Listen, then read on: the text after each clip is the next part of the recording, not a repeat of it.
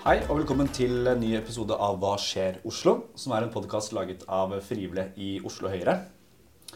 Vi har jo tenkt at denne podkasten først og fremst skal handle om politikk og om gjestene vi har på besøk. Men eh, så er det noen av lytterne som har lurt litt på hvem i all verden vi er, som sitter og lager podkast.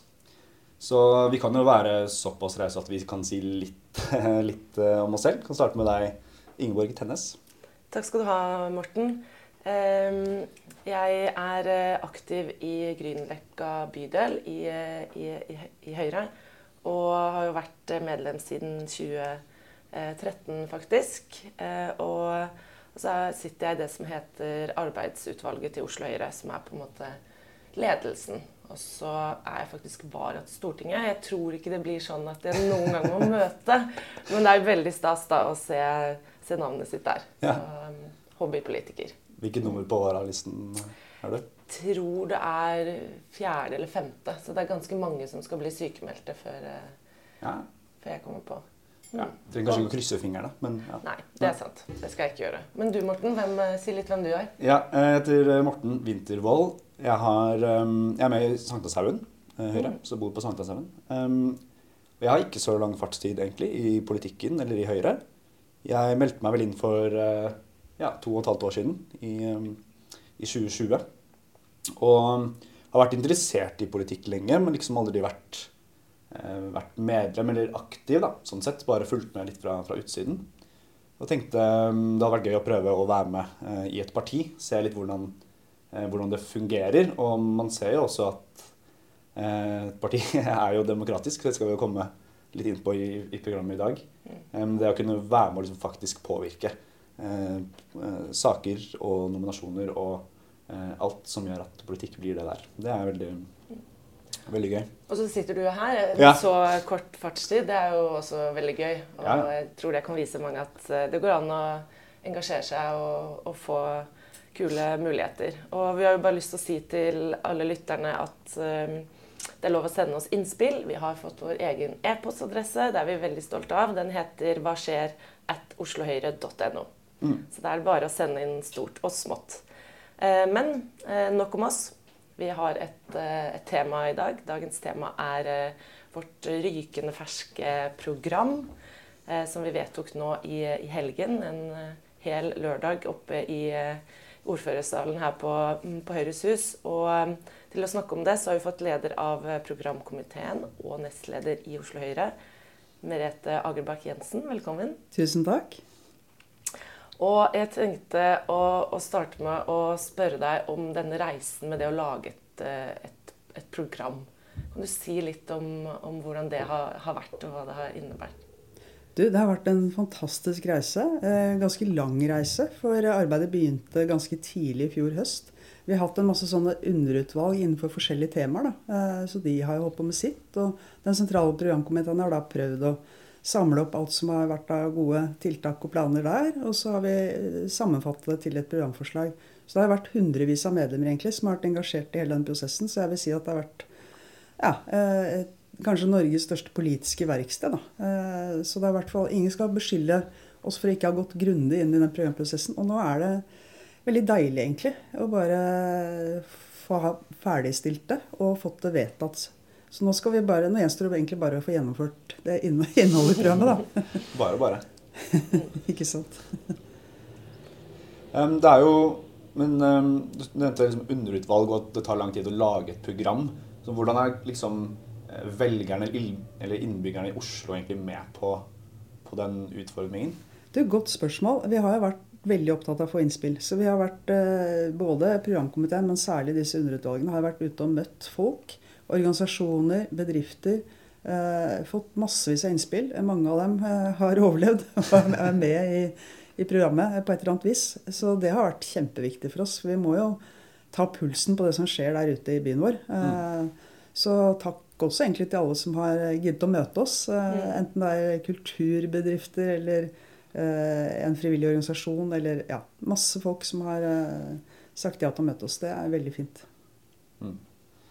Et, eh, et program er jo, er jo, hele bredden av politikken. Så det er veldig mye vi kunne ha, ha pratet om eh, rundt programmet. Men vi tenkte å fokusere mest på transport i dag. Mm. Um, og litt sånn sett utenfra så virker det som av og til at Oslo-politikken handler om om man er for eller mot bil. Bil er litt sånn symbolsak eh, i, i, Oslo kanskje spesielt. da. Og eh, Høyre har kanskje um, av og til da blitt sett på som veldig, veldig for bilen. Eh, men er, det, er det vår liksom, kampsak inn mot uh, valget neste år? Om bilen er vår kampsak? Nei, det vil jeg på ingen måte si, egentlig. Altså, men vi har nok et ganske sånn vil jeg si, fornuftig syn på det med, med, biler. Men vi sier jo veldig tydelig i det programmet at vi har ikke tenkt å lage noen revolusjon innenfor uh, Ring 1, da, eller i sentrumskjernen, uh, i forhold til det som er gjort der. Både med å fjerne gateparkering og gjøre det litt komplisert å kjøre. fordi uh, det er jo ikke for å straffe folk og være slemme folk, men det er jo fordi vi ser at de arealene som brukes til særlig parkering, da, de har jo en mye finere alternativ bruk til mennesker, til fortausrestauranter til gateliv. Eh, og det har jo vi eh, ment eh, over lang tid. Altså jeg var byråd for miljø og samferdsel på slutten av 90-tallet.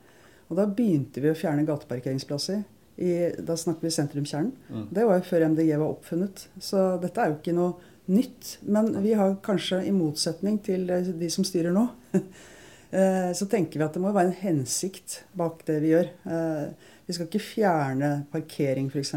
eller gjøre det vanskelig å kjøre bare for å gjøre det. Det må jo være fordi det er et annet mål bak. Og, så jeg vil mene at vi har en veldig sånn balansert og fornuftig eh, holdning da, til eh, transport og bil spesielt. Og så sier vi også at det er litt forskjell på indre by og kanskje ytre by, mm. hvor det er mindre problematisk da, at folk både får eh, parkert og, og, kjørt uten så mange hindringer. Ikke sant. Og jeg vet jo at du brenner for eh, myke Eh, trafikanter og har gjort det lenge. Og denne veien skal jo ikke bare være til for bilene, det skal være gående, rullende, eh, syklende. Alle mulige fremkomstmidler. Hvordan kan vi få det til eh, i dag på en, på en, litt bedre måte enn Få det til i fremtiden litt bedre enn hvordan vi har det i dag? Mm.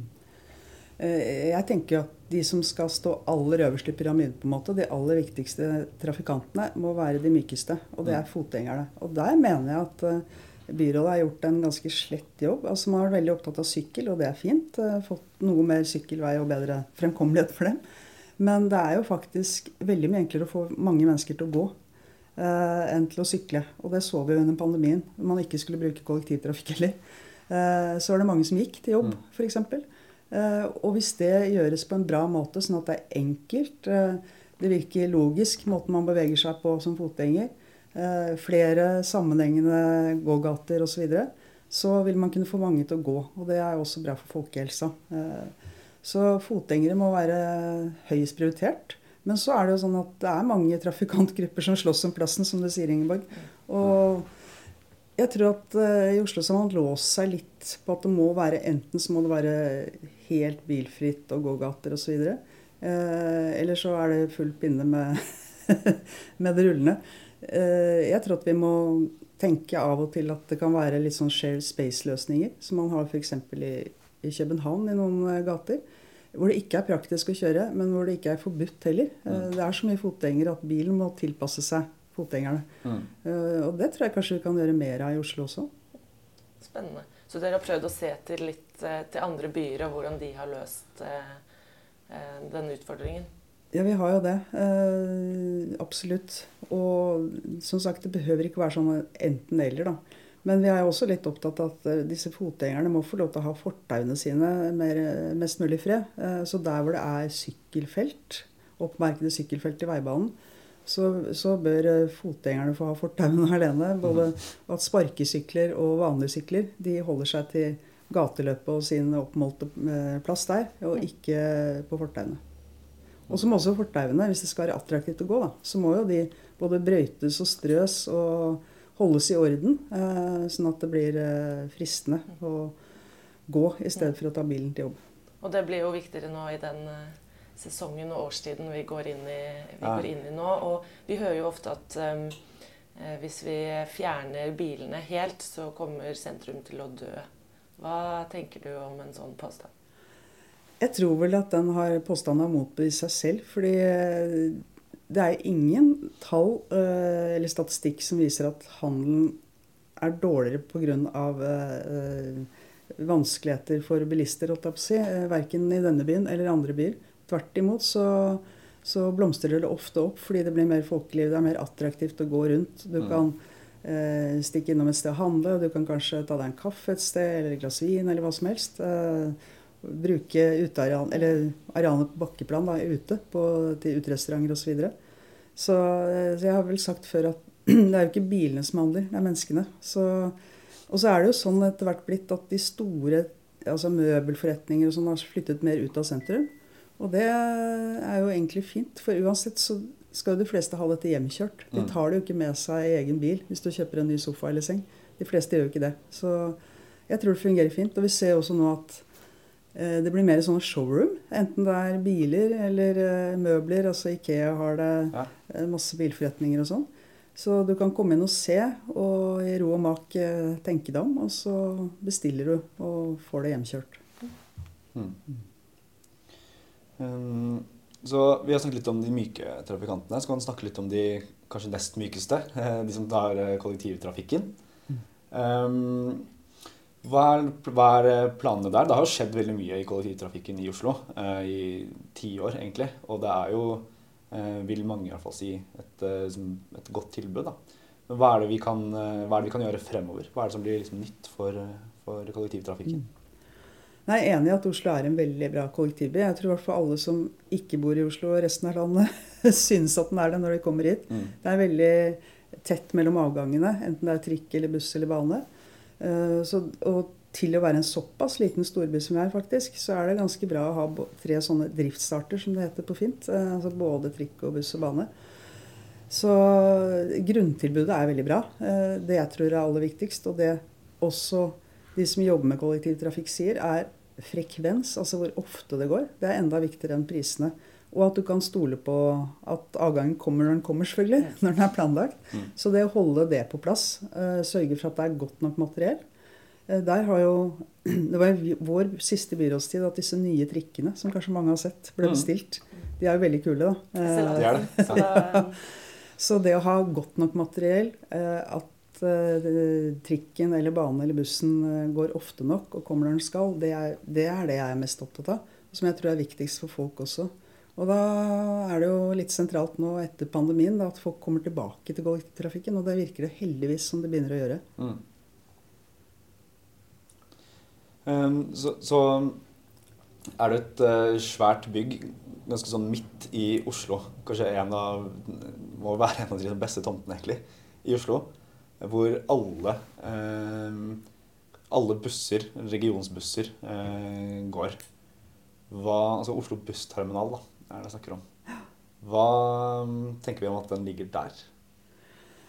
Du, det tenker vi faktisk en del om i programmet. Mm. Og mener at eh, veldig mange av de bussene som i dag stopper der eh, Det kommer jo både fjernbusser, altså de som kommer fra helt andre kanter av landet. Fra mm. Kristiansand og eh, Vestland og hva det måtte være.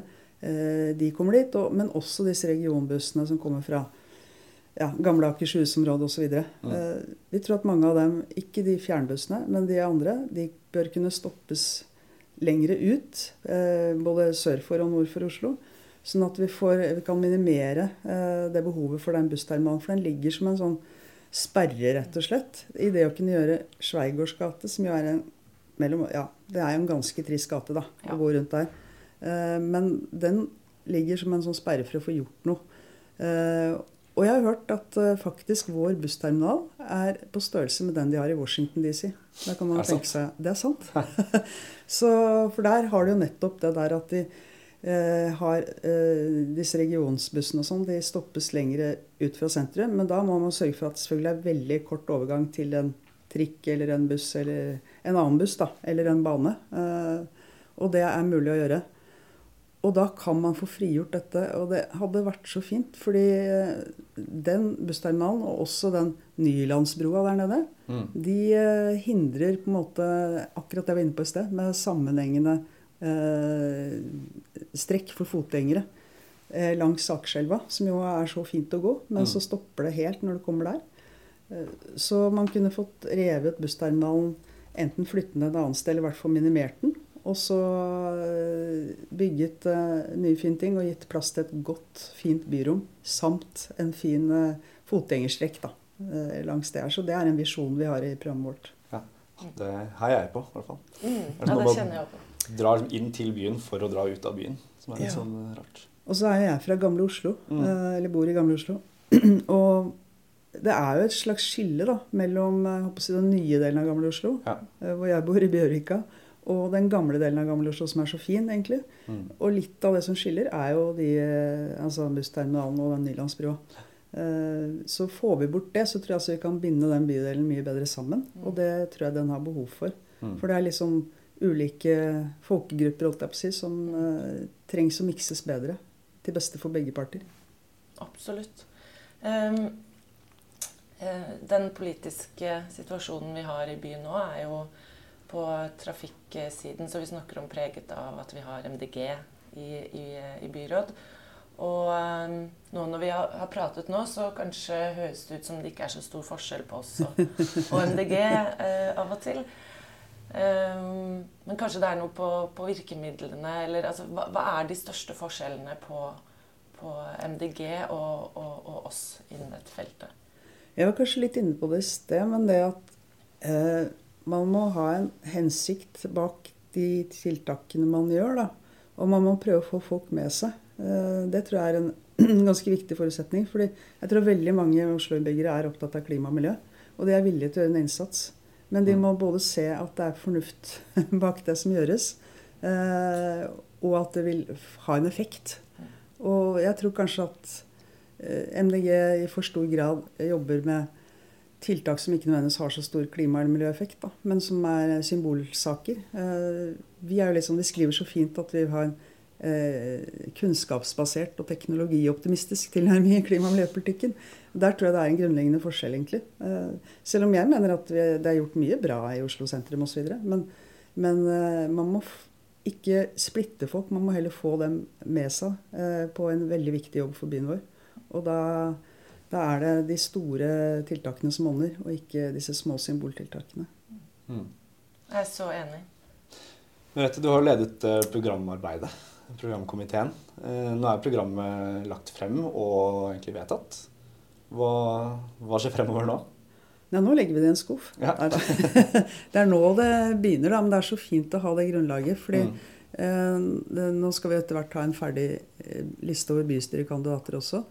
Og de kan gå ut og profilere den politikken som er vedtatt. Og et program er jo egentlig to ting. Det er både en kontrakt på en måte med velgerne. Det som står der, skal vi prøve å oppfylle da, de neste fire årene. Altså fra 2023 til 2027. Så det er den ene hensikten. Men så er det også en slags arbeidsordre til de som eh, blir valgt inn i bystyret neste år for oss. Eh, dette er det de skal prøve å få gjennomslag for. Mm. Så det gir på en måte både en ro og en forutsigbarhet og osv. Og, og så er det jo nå ferdig. Men så skal det jo Det kommer en valgkamp. Og da er det ikke alle som er interessert i å lese Jeg vet ikke hvor mange sider det ble til slutt, det, etter alle endringsforslag og sånn. Men det er ikke alle som orker å lese hele programmet. Så det skal jo også brytes ned på litt sånn kortversjoner og løpesedler innenfor enkelttema osv. Så, videre. mm. så å pakkes inn da, på en litt mer sånn kanskje lesbar og folkelig måte enn et program er. Ja. Eh, men det kan brukes som et oppslagsverk tenker jeg, for velgerne. Hvis de er eh, opptatt av et saksområde, eller sånt, så kan de gå inn der og se hva mener du egentlig Oslo Høyre om det. Og vi har, eh, vi har, begynt med en fast spalte som vi spør folk som kommer hit til oss om. Og eh, den er hva favorittstedet til, til, deg i byen er, Merete. Kan du si litt eh, Ditt, ja. Eh, du er jo veldig glad i, i, i, Oslo, det merker jo alle som kjenner deg. Eh, men hvor, hvor, går du hen hvis du vil liksom gå til ditt favorittsted? Ja, jeg er jo en veldig Oslo-patriot og er en ganske sånn urban sjel, må jeg innrømme. Eh, men hvis jeg kan få nevne litt mer enn bare ett, da, så blir det litt sånn der hvor jeg både bor og har bodd, holdt jeg på å si. Så det er litt der hvor man har røtter. Så der vi bor nå, så er det jo Stasjonsallmenningen. Altså dette store, åpne området i Bjørvika ned mot eh, hvor det er brygge og badeplass. Og litt lenger ned så er det badstuer osv. Mm. Eh, lekeplass. Det brukes kjempemasse av alle eh, i hele byen. Vi ser det kommer folkevandringer der. Jeg syns det er så hyggelig å se at uh, Bjørvika er på en måte ikke en sånn uh, for rikfolk holdt jeg på å si, som isolerer seg der nede. Det er mange myter om Bjørvika. Den er ikke sann. Så det ser man bare på bruken av det området. Så den er en definitiv favoritt. Og så bodde jeg mange år på Sankthanshaugen, jeg ja. òg. og da må jeg si at St. Olavs plass, å mm. sitte der en, uh, særlig en helgeformiddag og bare se utover disse snorrette siktlinjene og fine byen vår. Uh, kjempefint. Og også bra eksempel for øvrig på et sted hvor det går litt grann trafikk. Men den er på en måte ikke til sjenanse mm. verken for fotgjengere eller syklister. Da. Så det er det. Og så er det jo sånn utsiktspunkt. Det er jo opprinnelig fra sånn Disen-området. Og Grefsenkollen, det er ikke tvil om at uh, det er der du får best utsikt i byen. Fordi det er fint både på Nordstrand og Holmenkollen og sånn, men uh, på Grefsenkollen så får du på en måte kan se både østover og vestover og sørover. Så flott utsikt der. Tusen takk for at du kom til oss, eh, Merete. Det har vært veldig fint å ha deg her. Og takk til du som hørte på denne episoden av Hva skjer Oslo? Den lages av en gjeng frivillige i Oslo Høyre. Og programledere i dag var Ingeborg Tennes og Morten Wold. Du finner alle episodene der du lytter til eh, podkast. Og da er det bare for oss å ønske alle en riktig god dag. Ha det bra. Ha det bra.